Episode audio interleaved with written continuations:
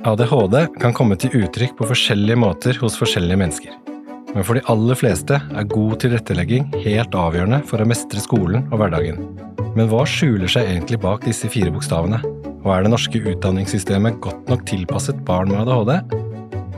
Podkasten er produsert av SpedAmes, Senter for spesialpedagogisk forskning og inkludering, og er finansiert av Forskningsrådet.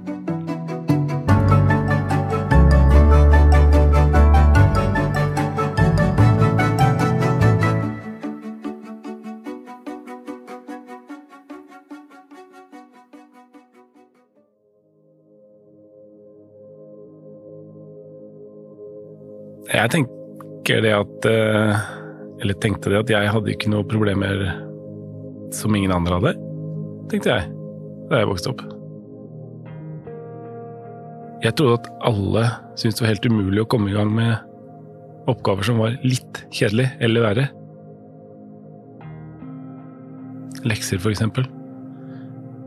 Og kunne bruke sikkert eh, flere timer på å prøve å komme i gang med et matteregnestykke. Med mindre noen var der og pressa meg til det. Eh, lese lange tekster, memorere ting. Fikk til det. Jeg har et minne som virker. Men det komme i gang med ting som krever Det som jeg seinere lærte å være som krever kognitiv innsats over tid, er jo fremdeles vanskelig. Det er ikke noe jeg har vokst av meg. Jeg heter Thomas Idem. Jeg er 49 år gammel og jeg har eh, ADHD.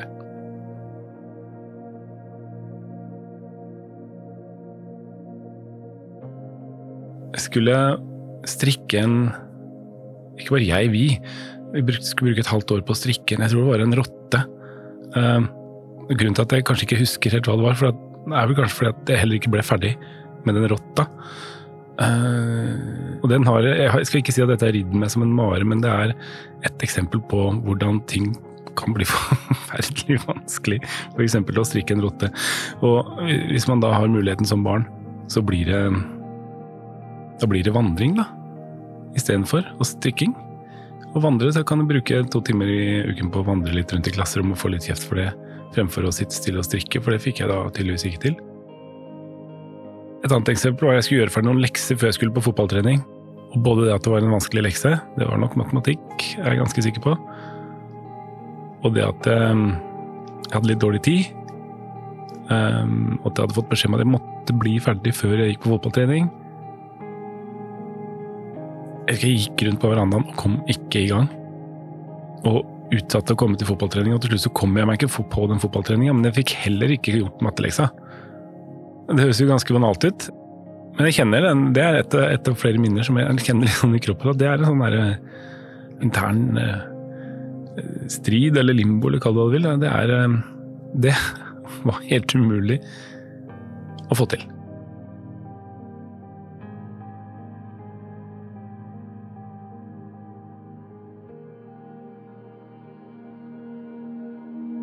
I mitt tilfelle så var det først en aha-opplevelse jeg kom på ungdomsskolen. Ikke bare så var det forventet at man hadde lært å lære, det hadde da ikke jeg. Eh, men vi fikk også karakterer på den innsatsen vi gjorde, og som i mitt tilfelle var ganske middelmådig, for å si det pent. Eh, der var det også egne sånne ADHD-karakterer i et orden og oppførsel. Eh, og så må man ikke synes at kanskje man ikke helt fikk til alt der, så fikk vi i hvert fall passe godt påskrevet der, da. Um, som kunne bekrefte at ja, orden, dårlig. Oppførsel, ikke så veldig bra den heller. Andre utfordringer, altså, å ha med forskjellige bøker til hver dag, er helt håpløst. Jeg hadde med, ja, det den største skolesekk, jeg hadde bare med alle bøkene hver dag hele dagen. Uh, for da slapp jeg å forholde meg til det, rett og slett. Slapp å glemme noe for så vidt. da. Så Fordeler var det jo ble, ble bedre litt sånn orden, da. Ved å ha med alle bøkene alltid. Til en viss grad. Velkommen til ny episode i Det virker.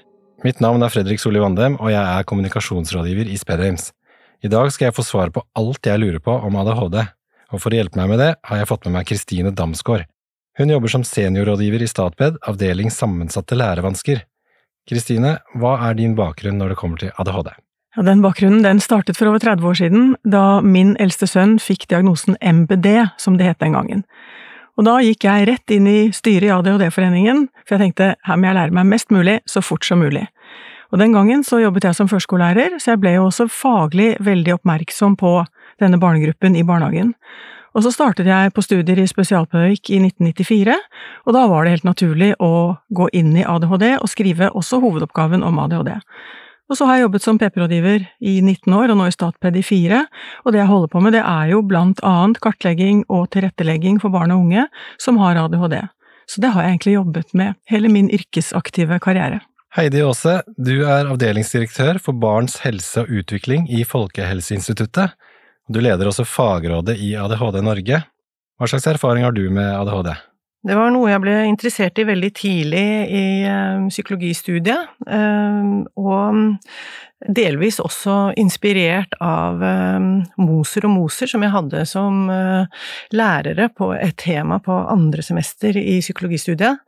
Så fant jeg et miljø som jobbet med ADHD på Preklinisk institutt, ledet av Terje Sagvolden, eh, og som eh, forsket på ADHD, og fant ut at der ville jeg skrive hovedoppgaven min og gjøre en eksperimentell eh, undersøkelse, som jeg da skrev hovedoppgave på, som handlet om barn med ADHD og læringsmekanismer. Det var veldig gøy, så jeg fortsatte med en doktorgrad på samme tema. Så jeg har jobbet med det i mange år. Jeg har lyst til å starte litt i det grove. Hva er egentlig ADHD? ADHD står for Attention Deficit Hyperactivity Disorder, eller oppmerksomhetssvikt og hyperaktivitetsforstyrrelse. Dette regnes for å være en nevroutviklingsforstyrrelse, og det betyr at det er noe nevrologisk, noe i hjernen, som fungerer litt annerledes, og som kan bidra til at utviklingen av noen funksjoner eh, hos de, de, som har det, eh, blir annerledes, for, som syns da i atferden deres hvordan de fungerer. Vet vi noe om eh, hvorfor noen får ADHD? Eh, ja, altså det forskerne er enige om, er at ADHD kan skyldes flere ting. Eh, men blant det aller viktigste er en arvelighetskomponent, at det er gener involvert. Så, og det er gener som bidrar til regulering av ulike funksjoner i hjernen. Dette er funksjoner som bidrar til regulering av blant annet konsentrasjon og motivasjon, og det hørte vi også Thomas eh, snakke om, at han hadde vanskeligheter for å motivere seg for det som var litt vanskelig. Og det er særlig der eh, det er vanskelig for, eh, for personer med ADHD å motivere seg for noe som er ulystbetont. Så arver vi jo genene fra foreldrene våre, men gener kan også endres av andre forhold. Og vi vet blant annet at alvorlig omsorgssvikt og traumer kan gi endringer i hjernen som gir ADHD-symptomer. Hvor vanlig er ADHD? Er det mange som har det i Norge? Eh, det er et inntrykk av at det er stadig flere og flere, men det er det egentlig ikke. Det har vært ganske jevnt, i hvert fall de siste 10-12 årene. Eh, det er ca. 5 av barn og unge under 18 år som eh, har fått en ADHD-diagnose. Og det er flest gutter i alderen 12 til 15 år som har diagnosen nå, og færrest blant de yngste barna, men det er ikke vanlig å diagnostisere de så veldig tidlig. Eh, dette her, det er det vi vet om forekomst fordi de, dette her er barn som har blitt diagnostisert i spesialisthelsetjenesten, men vi vet ikke helt eh, hvor mange det er i befolkningen som har symptomer som tilsvarer en diagnose. Til det trenger vi en forekomstundersøkelse, eh, og vi har ikke oppdaterte tall på det. Du nevnte at det er mange gutter som har ADHD. Er det vanligere hos gutter enn hos jenter? Ja, det er eh, vanligere på den måten at det er i hvert fall flest gutter som har fått uh, diagnosen. Uh, så er det økende hos jenter, og det er fordi man har forstått at ADHD arter seg annerledes hos jenter enn hos gutter, og kunnskapen om dette øker.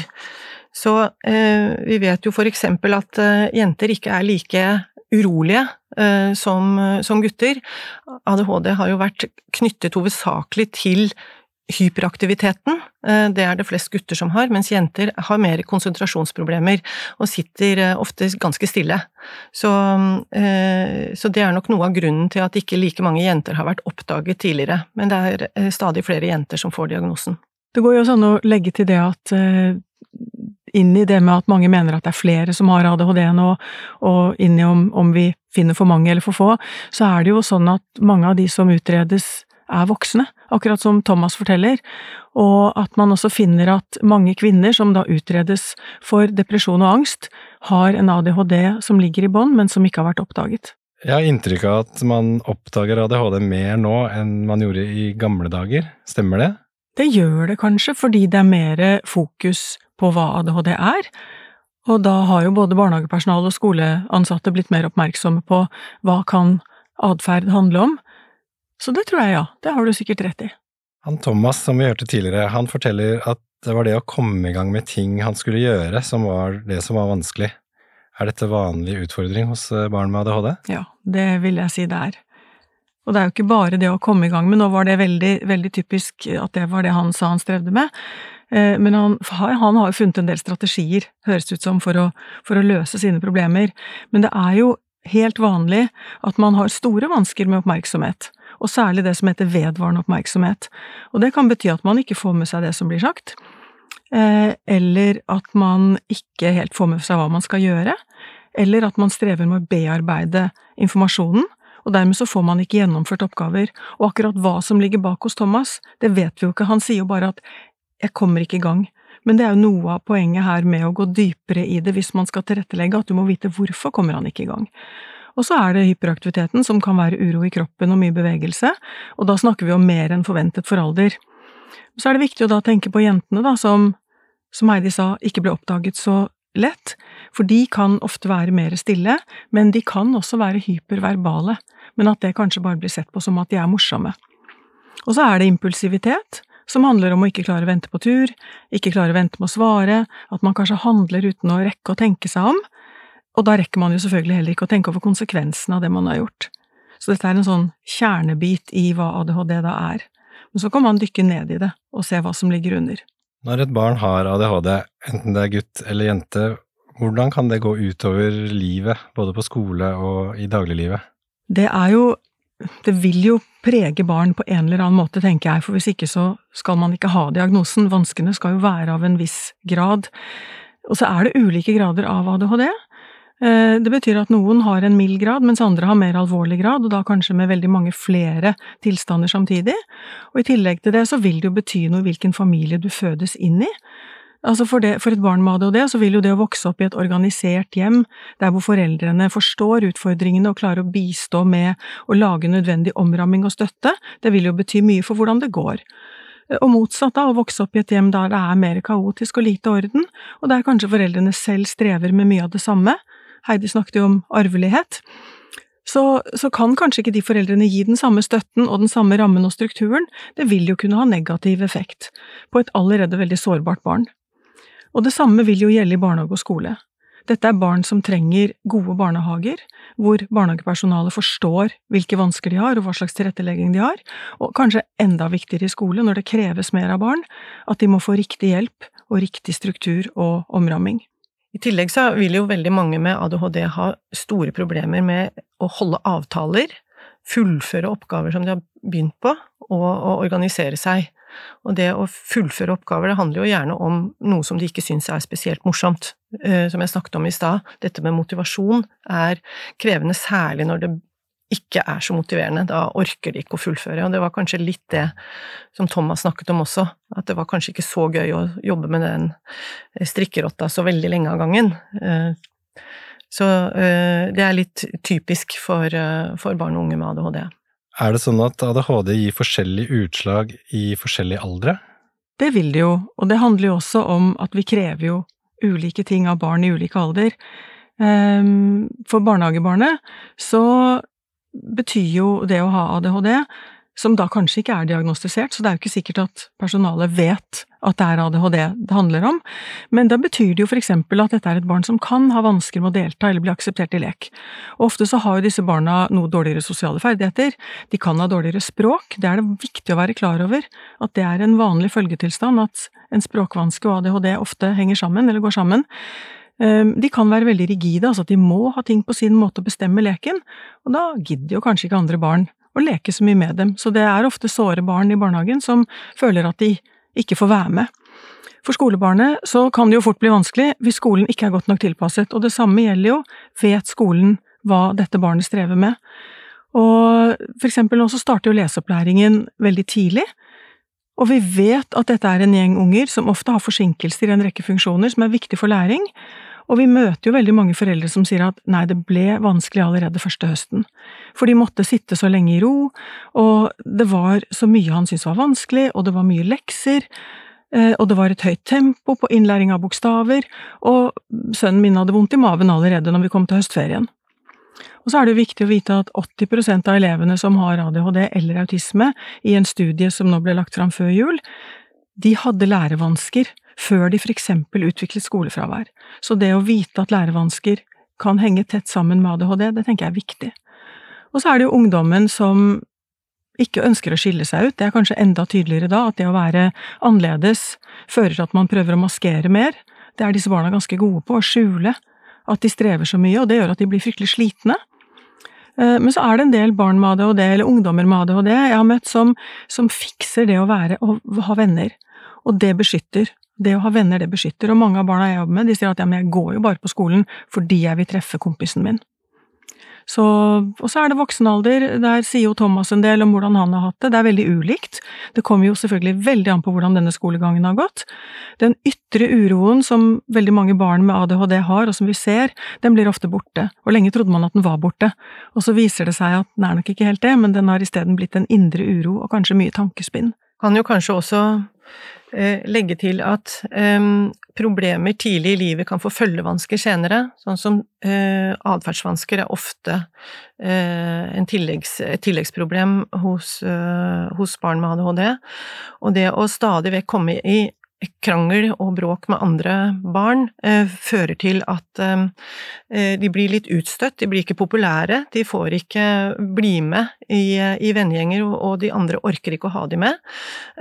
og da kan de eh, oppover i ungdomsalder støtes ut og eh, bli litt sånn, komme litt på siden, og finner vennene sine i eh, andre grupper som ikke, like, ikke har like god påvirkning på, på dem. Og det er, det er, også på veien mot det å, å, å, få alvorlige følgevansker oppover i voksen alder, som vi ser at noen som ikke får hjelp underveis, faktisk gjør.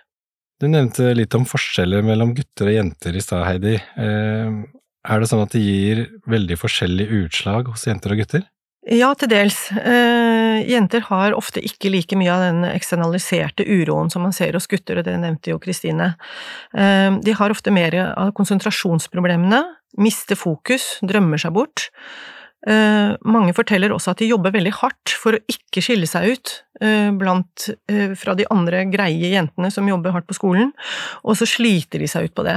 og mange opplever at de blir helt utslitt av det på skolen, og så når de kommer hjem, så tar de det ut hjemme. Og ofte så vil skole og hjem ha ganske forskjellige beskrivelser av, av hvordan disse jentene har det og er. Ehm, så er det, som ja, Kristine nevnte også noen andre forskjeller, at eh, uroen ikke nødvendigvis er å løpe rundt og, og, og rope og hoie, men skravle veldig mye. Og sitte og klusse veldig mye på, på skolesakene sine og, og, og sånn. Du snakket om lærevansker tidligere, Kristine. Er det høyere risiko for lærevansker når man har ADHD? Ja, det ser ut som det er det. At det er høyere risiko både for lærevansker og for en del andre vansker. Eh, det er sjelden at man bare har ADHD. Og jeg vil jo tenke at de som bare har ADHD, og som har gode evner, de klarer seg ofte godt. Og det tenker jeg Thomas er et, er et eksempel på. Men det er, van, det er, mer vanlig enn uvanlig at man har flere ting samtidig. Og ofte så kan barn ha mer enn én nevrodiagnose. De kan for eksempel ha eh, Tourette syndrom i tillegg, de kan ha autisme, eller de kan ha trekk av disse tilstandene sammen med ADHD. Så, så det tenker jeg det er viktig å være klar over, sånn at man når man har et barn med ADHD, ser litt bredere, ser litt til siden og ser hva mer kan det være. Og så er det dette med lærevansker. Jeg nevnte så kort denne studien, eh, Marie Lisbeth Amundsen som eh, la fram et studie nå rett før jul, hvor hun så på eh, barn som hadde ADHD og Tourette, og som hadde utviklet skolefravær, og da finner hun at 80% av de elevene som hadde ADHD eller autisme, de hadde lærevansker før de utviklet skolefraværet. Og det er jo en veldig stor gruppe. Andre tilleggsvansker som er vanlige, det er søvnvansker, det kan være vansker med mat, det kan være utvikling av angst, det kan være depresjon, det kan være tvang, og felles for disse elevene er at de ofte lever med et veldig høyt stressnivå. Og så kan man jo nevne Kristoffer Gilberg, som for ganske mange år siden kom med det begrepet som han kalte for essens, som helt sånn kort betyr at hvis noen er bekymret for et barn før femårsalder, så skal det tas alvorlig, og det han poengterte da, er at da skal man se bredt til siden. Um, og det er ikke fordi man skal uh, liksom produsere vansker hos et barn, men det er fordi det handler om den samme hjernen, som da har en sårbarhet, en umodenhet, en litt annerledeshet, og den oppvoksingen som vi har da, ved å kalle noe for lese-skrivevansker og noe for ADHD og noe for autisme, den er egentlig litt, ja, det er ikke naturlig at man skulle lage sånne siloer, vi gjør det fordi det gjør verden forståelig, men det er vanlig at man har flere ting samtidig. Og da er det viktig å finne disse tingene tidlig, fordi vi vet at det å sette inn tidlig tiltak er bedre enn å gjøre det seint.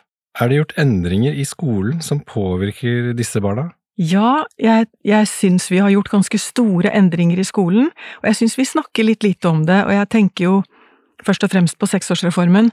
Um, fordi barnehagene syns jeg er flinke til å tilrettelegge etter barns funksjonsnivå, sånn at veldig mange av foreldrene som jeg jobber med, de vil si at ja, men i barnehagen så hadde han det bra. Det gikk fint, de klarte det i barnehagen. Og så kommer skolen, eh, og vi har altså flyttet fem-seksåringene inn i skolen. Og den gangen vi gjorde det, i 97 omtrent, hvis jeg ikke husker veldig feil, så ble det jo sagt, og da lovte politikerne, at barnehagepedagogikken den skulle følge over i skolen og være det de første, det første året det barna fikk da. Og så gikk det noen år, jeg er ikke sikker på hvor mange, men så endret de det. Så flyttet de pensum, som tidligere da lå på annet trinn, ned i første trinn. Og det betyr at det nå er mindre lek, det, nå, nå, ser man jo på denne reformen, eh, og mer styrt aktivitet, og så er leseopplæringen kommet for fullt. Og jeg så akkurat et oppslag nå som eh, sa at i 2000 så forventet man at barna leste ved slutten av annet trinn. I 2007 så forventet man at de leste i slutten av første trinn. I 2020 så forventer man at de leser til jul i første trinn. Og dette her er vanlig i veldig mange skoler, men det, altså, kompetansemålene stemmer med det som var i 2000, at det er forventet at man gjør det ved slutten av annet trinn, men det praktiseres annerledes. Og når jeg snakker med lærere om dette, så sier de ja, men det er sånn vi gjør det på vår skole. Og for denne gruppen barn så betyr jo det, for vi vet at de har en umodenhet på en del områder, eh, vi vet at det å være i ro lenge, det fører til store utfordringer veldig raskt i skoleløpet, og veldig mange barn opplever at de mestrer ikke, og foreldre forteller at de har vondt i maven når de kommer til høstferien. En annen ting er jo det at eh, skolen begynner veldig tidlig med prosjektarbeid. Eh, og med mine egne barn så reagerte jeg på det, fordi det var De skulle i grupper organisere prosjekter. En skulle være prosjektleder, de skulle gjennomføre et samarbeid nærmest før de visste hvordan de skulle skrive. Og Eh, og det å være med i sånn type arbeid og regulere seg selv i forhold til andre så tidlig, det er særlig krevende for elever med ADHD. Og når vi snakker om hva som kreves av barn, så syns jo jeg det er ganske store krav til elevene i første trinn. Eh, eller har lagd meg en liste som jeg bruker ofte, sånn for, å, for å minne ja, lærere og andre på at vi krever jo at de møter presis, og at de faktisk passer tiden, og det kreves at de sitter stille ganske lenge og at de skal mestre ulike bytter, da, for eksempel av aktiviteter, eh, av lærere, av grupper med medelever som du nevner, og at de skal ha ro, og at de skal kunne finne fram riktig utstyr, at de skal forstå alle de sosiale reglene som er i klassen og i lek, eh, de skal forstå når de kan få snakke, og de skal, som du nevner, klare dette samarbeidet med ganske mange andre ulike elever. De skal kunne sette i gang med oppgaver og gjøre dem ferdig, de skal kunne holde orden på seg selv og på klær og utstyr, de skal kunne følge med og opprettholde konsentrasjonen når læreren snakker, og lærere de, i beste mening, de har ofte veldig mye spennende å fortelle, men for denne gjengen så kan det jo bli litt lenge, og de skal få med seg hva andre sier, og de skal også forstå det som blir sagt, ikke bare liksom klare å sitte og høre på det, men faktisk ta det inn og forstå det, og så skal de tåle veldig mange endringer, og så skal de skjønne alle de reglene som ingen snakker om, som bare ligger der. Og jeg vil si at mesteparten av dette er ikke et barn med ADHD modent for når de begynner i første trinn. Dette, og det handler ikke om vilje, det handler om evne. Men disse lærerne som jobber med disse barna, hva slags kunnskap har de om ADHD?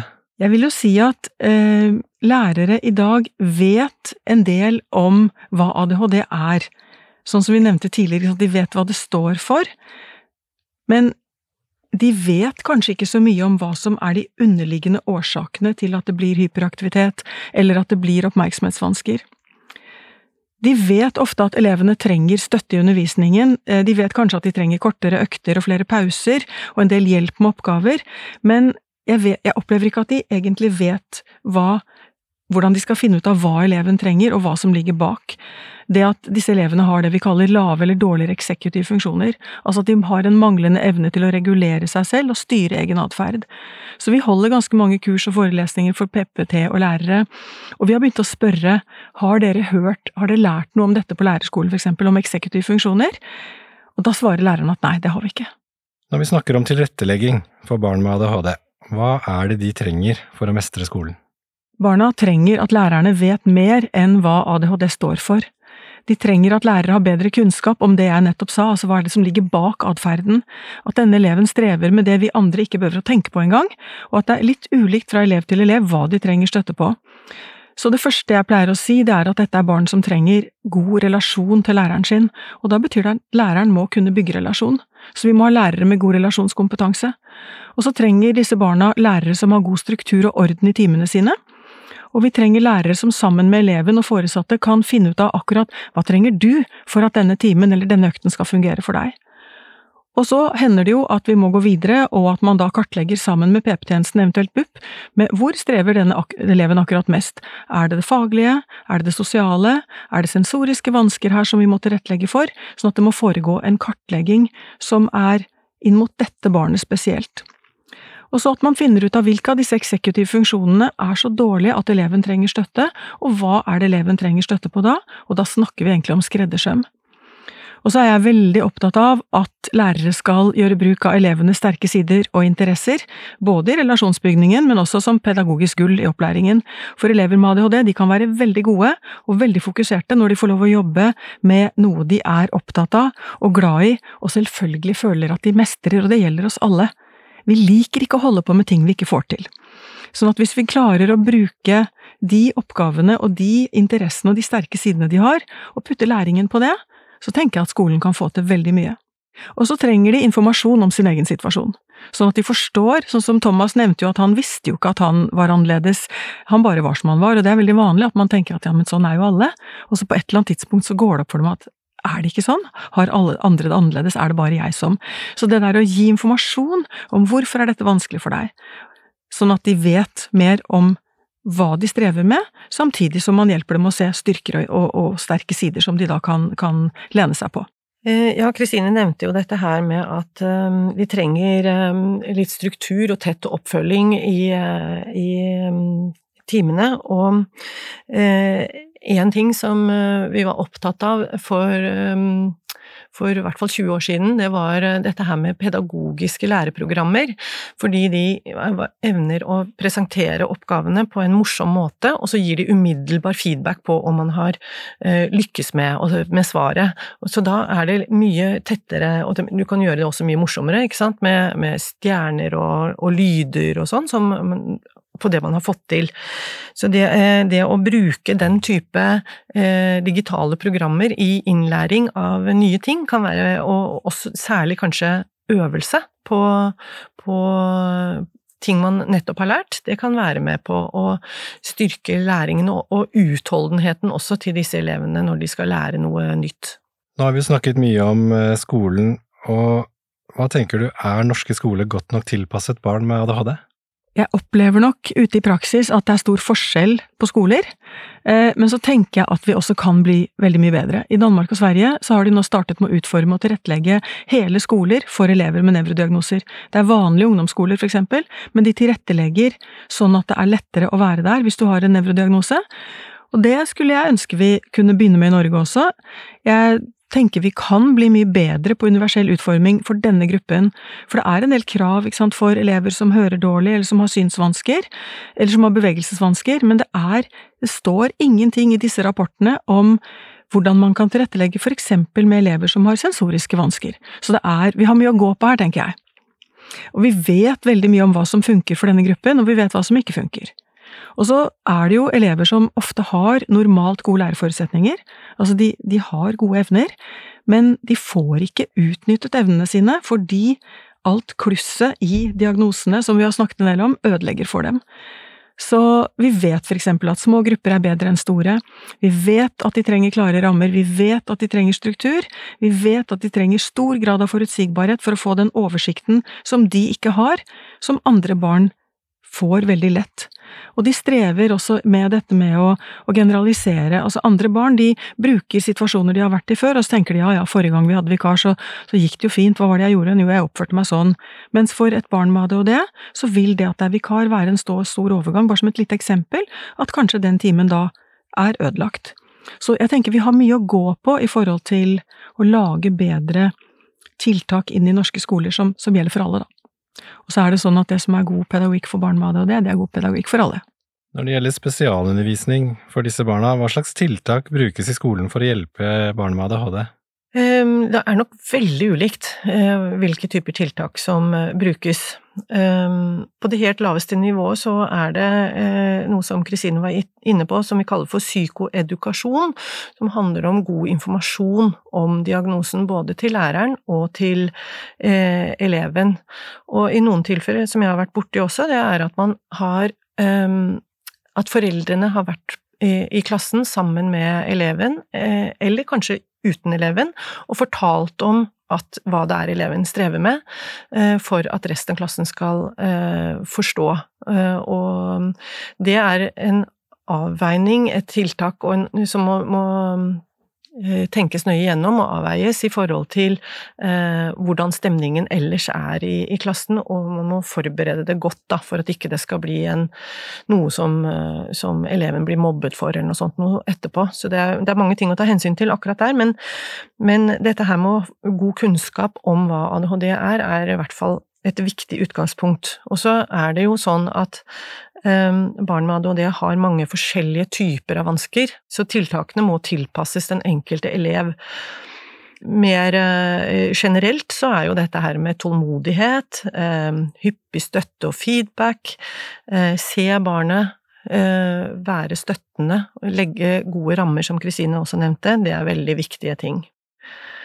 For noen barn som har og mer omfattende problemer, så er dette med skreddersøm, som Kristine nevnte, som er eh, grundig kartlegging av enkel, den enkelte elevens eh, behov, og tilrettelegging i tråd med det, eh, også viktig å, å få på plass.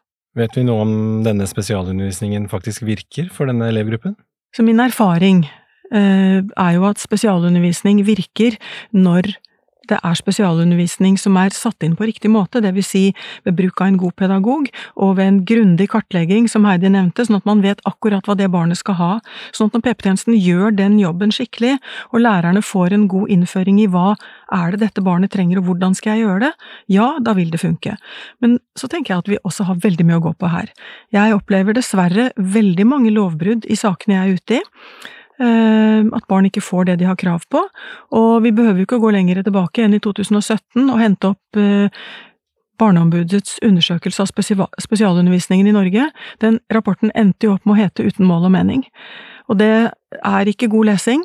Eh, sånn at her er det mye vi kan gjøre annerledes, og det er jo et paradoks, syns jeg, at vi setter ofte ufaglærte unge mennesker til å hjelpe disse elevene som har så store vansker. Eh, det er ikke lov å gjøre det, men det gjøres eh, i den norske skole i stort omfang, og det er ikke disse assistentene det er noe galt med, for det er ofte flotte unge mennesker, eller godt voksne mennesker, som gjør en kjempejobb, men de har ikke forutsetninger for å lære et barn med så store vansker for eksempel å lese, eller å skrive, eller å lære selv hjelpsferdigheter som dette barnet trenger for å kunne regulere seg bedre.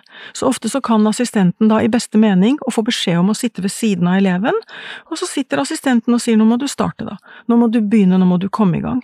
Og så skjer det kanskje ikke noe mer, og jeg møter niende-tiende trinnselever som fremdeles sitter med den assistenten, Og da har vi noen runder på men hva trenger han å lære for å leve et godt liv?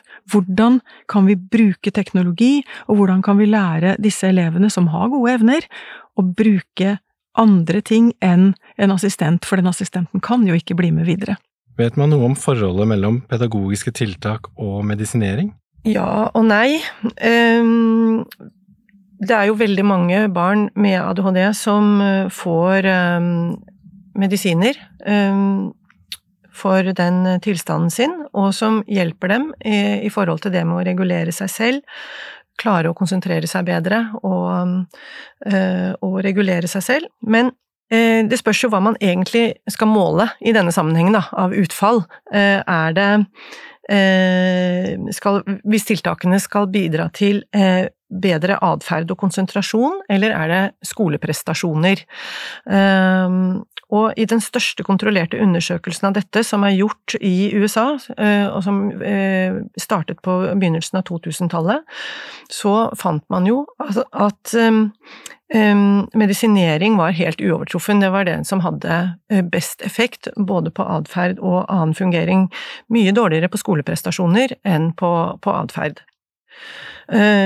Så eh, eh, medisiner demper ADHD-symptomer, men bedrer ikke nødvendigvis eh, skoleprestasjoner.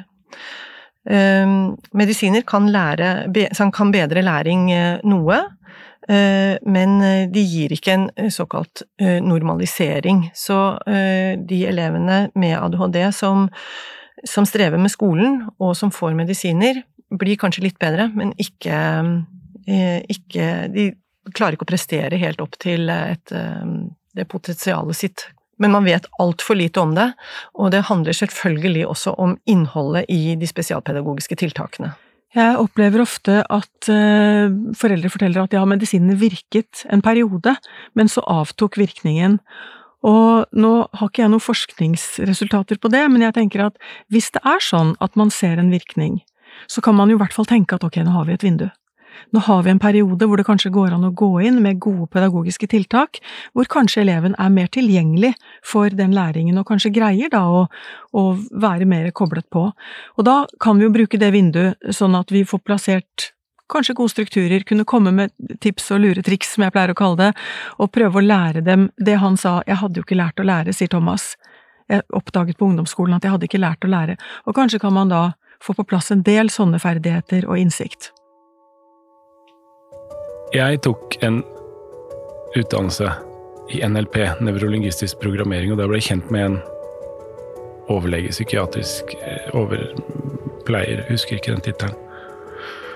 Og det var vedkommende som pitcha meg litt inn og sa tenkte at kanskje dette her, Thomas, kan høres jo veldig ut som ADHD, da, og da tenkte jeg at det er du helt nedsnedd. For, for min del så vokste jeg opp i en verden hvor ADHD ikke fantes. Det fantes noe som het MBD. Så jeg blei litt overrasket da jeg tok en sånn test helt uformelt. Um, fikk beskjed om å svare i ro og orden og i mitt eget tempo. Og den testen den var sånn at eh, hvis jeg hadde under 12 poeng, da var det ikke noe sannsynlig, det var ikke noe vits i å ta utredning. Skåra det mellom 12 eh, og 24 poeng, så kunne man liksom ta noen flere tester. Og hvis du skåret over 24 da, poeng, så, så var det sannsynlig Eller da, da, var det anbefalt med en videre utredning, for det var stor sannsynlighet for at det kunne være ADHD. da. Og jeg svarte som stille og rolig og saklig som jeg bare kunne, og fikk 59. Og da begynte det jo, da. Eh, utredning. Eh, I første omgang DPS. Eh, det gikk greit, det første gangen. Helt til jeg skjønte at den P-en sto for psykiatri. Og med mine holdninger og mitt verdigrunnlag da, så tenkte jeg at dette her eh, er bare å glemme. Psykiatri, det er ikke meg. Um, måtte utsette den utredningen der litt, da. Og så gikk det noen år før det liksom blei litt forskjellige konsekvenser, og dette lå kverna litt. Og så hadde jeg flytta til et annet sted i landet, fått en ny fastlege, og så sa jeg til vedkommende at du, jeg lurer på jeg begynte med en sånn ADHD-utredning for seks-sju år siden. Um, jeg lurer på kanskje på at vi kanskje bare skal ta opp igjen den, bare for sånn å sjekke. Og han syntes det hørtes ut som et kjempeforslag, at vi skulle ta opp igjen den utredninga. Så da ble det utredning for ADHD. En diagnose jeg var skeptisk til. Og etter mye om og men, forskjellige møter og tester, så ender jeg da opp med, som hun sa, hun på uh, utrederen, at uh, dette er en sannsynlig ADHD. Og det var jo veldig rart. Og forferdelig slitsomt, og det var vondt. Uh, og mye tanker om Jeg husker jeg sa det. Faen, faen, faen, sa jeg. Har det bare vært det hele tiden? For i løpet av den utredningen så hadde jeg skjønt at shit, har jeg, har jeg hatt så mye problemer som hun sier at jeg har hatt? Og jeg måtte jo innrømme at om ikke alt var riktig, som hun eller de hadde av påstander og meninger, så var det i hvert fall veldig mye som stemte. Og den eh, opplevelsen at eh, min versjon av min egen virkelighet mangla et par kapitler, og at jeg nå fikk servert de kapitlene, sånn metaforisk sett, det var ganske overveldende, rett og slett.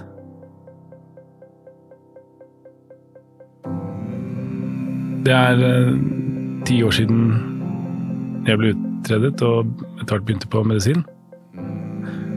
Det var en slitsom eh, overgang. Den krevde ganske mye av meg. Og jeg leste et sitat av en kanadisk eh, Jeg lurer på om han var skuespiller, jeg husker ikke navnet. Men jeg festa meg med utsagnet hans. Han sa det at før led jeg av ADHD, nå, nå, har jeg det bare. Og jeg tenkte at det har jeg lyst til, sånn har jeg lyst til å ha det. Det krever ganske mye aksept, og det krever ganske mye arbeid, men nå er det ti år siden jeg ble utredet, og jeg har det fint, jeg. Jeg får til livet mitt, jeg. Uh, og er fornøyd uh, med alt jeg har oppnådd, kanskje særlig etter at jeg ble utredet kommer sent, med godt. Nå har jeg tatt utdannelse, nå har jeg fått familie, nå har jeg fått barn. Jeg er usikker på om det hadde gått så bra for 15 år siden. Eller jeg er ganske sikker på at det ikke hadde gått så bra, rett og slett. Den historien til Thomas, det har jo gått veldig bra med han, hører vi. Eh, er det vanlig, eller går det ikke alltid så bra? Det kan gå så bra, men det avhenger jo av flere faktorer. Nå vet jo ikke jeg noe mer om, om Thomas enn det lille jeg har hørt, Eh, men ut fra å høre på hvordan han snakker og hva han sier, så tenker jeg at han er en ganske smart fyr. Altså en mann med ganske gode evner. Og vi vet for eksempel at intelligens beskytter. Har du gode evner, så vil du lettere få med deg, og helt av deg selv, lage deg ulike teknikker og kompensere for en del av de vanskene du har, sånn som han forteller at han har gjort. Eh, jeg snakker med ganske mange voksne med ADHD som har klart seg godt, og det vi ser er at de da er normalt, eller mer enn godt, godt utrustet evnemessig. Da har de i skolehverdagen sin funnet ut av hvordan de skulle klare å følge med. En sa at eh, jeg skrev ned alt læreren sa, og en annen sa at jeg har lest alt veldig mange ganger. Jeg brukte mye lengre tid enn de andre, for jeg måtte lese flere ganger. Og noen har funnet ut at det å tygge eller spise gjør at de blir roligere og så videre, så de finner strategier. Men så kommer jo dette da med hvor du vokser opp og hva slags støtte du har, og hvilken lærer du får. Eh, forståelse og alle disse faktorene.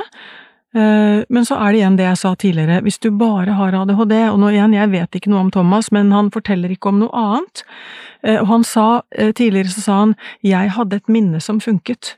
Det betyr at han klarte å huske det han hørte, og vi vet at for veldig mange barn med ADHD så er arbeidsminnevansker veldig vanlig. Og så kommer alt det jeg sa i stad om at det er vanlig å ha veldig mye mer. Sånn at eh, det avhenger jo av hva slags pakke du har her av forskjellige følgevansker og kanskje andre typer nevrodiagnoser i tillegg. Eh, det går jo ikke så bra med alle da, fordi hvis vi ser på Navs rapport fra 2018, så sier jo de at unge med alvorlig ADHD og med autisme og som har psykiske eh, lidelser, de topper jo statistikken hos Nav for ung ufør og utenforskap. Så vi er nødt til å ha to baller i luften samtidig her. Thomas forteller jo at han fikk diagnosen sin da han var rundt 40 år, og jeg får inntrykk av at uh, ting ordnet seg veldig for ham i livet etterpå. Er det her vanlig, Heidi? Det er vanskelig å si hvor vanlig det er. Eh, Kristine eh, sier litt om eh, at ting har ordnet seg fint for Thomas, og at det er noen, eh, noen forutsetninger der som kan være gjeldende for han. Det er ikke alle som opplever det, men det har blitt mer vanlig i hvert fall at voksne får diagnosen, og at de opplever en, en lettelse, og, og, at i hvert fall en del ting faller på plass og blir litt enklere for dem. Det handler veldig mye om å få kunnskap om hva det handler om, og forstå seg selv, og det fortalte jo Thomas litt eh, om. Eh, og det er det mange voksne som opplever. Om de klarer å fikse alt eh, veldig bra som en følge av det, er sannsynligvis varierende. For litt over et år siden så kom det en ny norsk studie, og den viste at barn som var født i november og desember hadde 80% høyere risiko for å bruke medisin for ADHD sammenlignet med de som hadde bursdag i januar og februar. Hva skyldes dette, Heidi? Ja, det er jo et eh, spennende spørsmål. Det er litt vanskelig å skille, faktisk, naturlig umodenhet og umodenhet som handler om ADHD. Eh, en nestor innen ADHD-forskningen fra USA, Russell Barkley, han pleide å snakke om 30 %-regelen, som han kalte det, eh, at barn med ADHD i gjennomsnitt er 30% mer umodne når det kommer til sosial og emosjonell fungering, sammenlignet med jevnaldrende. Og det tilsvarer kanskje forskjellen mellom snittet i en klasse og de som er født sent på året. Eh, og i hvert fall forskjellen mellom eh, Som er på nesten et år, da, fra, fra januar til eh, november-desember. Vi ser det samme i land som har opptak til skolen midt på sommeren, så ser man forskjellen fra august til eh, juni. I Danmark så opererer de fortsatt med utsatt skolestart etter behovsvurdering, eh, og der har de mye mindre grad av dette her. Så det har nok noe med, med, å skille de ulike typene av umodenhet, og vi trenger nok bedre verktøy, faktisk, for å kunne skille bedre her. For å oppsummere og avslutte denne samtalen vil jeg gjerne høre fra begge to. Hva mener dere er det viktigste som må være på plass for at det skal gå bra i livet for barn med ADHD? Ja, vi har jo snakket om en del, men jeg tenker hvis man skal eh, oppsummere litt, så tenker jeg det en ting som er viktig, er jo å fjerne stigma fra diagnosen, eh, og sånn at ikke det blir eh, noe som oppleves som veldig ubehagelig for barn eh, å få diagnosen når de trenger den. Men det er også veldig viktig at dette ikke blir en motediagnose, som vi ser litt tendenser til nå i sosiale medier. Ehm, noen snakker om at ADHD-en er en superkraft, men det er ikke kreativitet og drive som gir diagnosen ADHD. Det er jo eh, andre personlige egenskaper. ADHD handler om å ha vansker som gir ubehagelige utfordringer i hverdagen, og som gjør at de som har denne tilstanden, opplever å ikke mestre og ikke nå målene sine, at de ødelegger for seg selv, at de ikke får til ting. Ehm, så det er ikke ADHD-en i seg selv som er, er superkraften. Ehm, kunnskap om diagnosen er veldig viktig, og det viktige er å kunne snu Eh, de negative erfaringene til noe positivt, finne ut hva man faktisk mestrer, bruke den utålmodigheten sin konstruktivt, og dele med andre hva som er vanskelig, og prøve å identifisere hva man trenger for å fungere godt. Ja, vi bruker ofte ordet forståelsesrammer eh, når vi snakker om barn og unge med nevrodiagnoser, og jeg tenker det gjelder i høyeste grad for ADHD. Jeg tenker at uh, Vi har snakket en del om det, men kan jo bare gjenta det, at uh, barnet eller den unge, og de som er rundt dette barnet, vi snakker om laget rundt barnet mye nå, uh, det er foreldre, det er besteforeldre, det er barnehage, skole, venner. tenker de må få vite og få forklart på en tilnærmet fin måte hva dette er, og hvorfor det er som det er, sånn at de forstår at det er en forsinkelse, en umodenhet i sentralnervesystemet som vi har snakket om.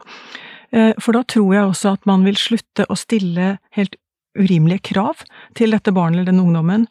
Eh, da slutter man å si 'du må ta deg sammen' eller 'han kan når han vil', som veldig mange av disse barna møter. Eh, da vil man isteden støtte opp og lage det stillaset rundt, og jeg liker den tanken om et stillas, for det kan man fjerne når man ikke trenger det lenger. Da blir det mulig å oppleve mestring, og mestring kommer før motivasjon. Tusen takk, begge to. Det har vært utrolig lærerikt å ha dere på besøk her. Takk for at jeg fikk komme. Takk for meg. I denne episoden av Det virker har vi snakket om ADHD. Gjester i studio har vært Kristine Damsgaard i Statped og Heidi Aase i Folkehelseinstituttet. Podkasten er produsert av SpedAmes, Senter for spesialpedagogisk forskning og inkludering. SpedAmes er finansiert av Forskningsrådet og er et samarbeid mellom Universitetet i Bergen, Universitetet i Oslo, Nord universitet, Universitetet i Stavanger og Universitetet i Agder. Takk for at du hørte på.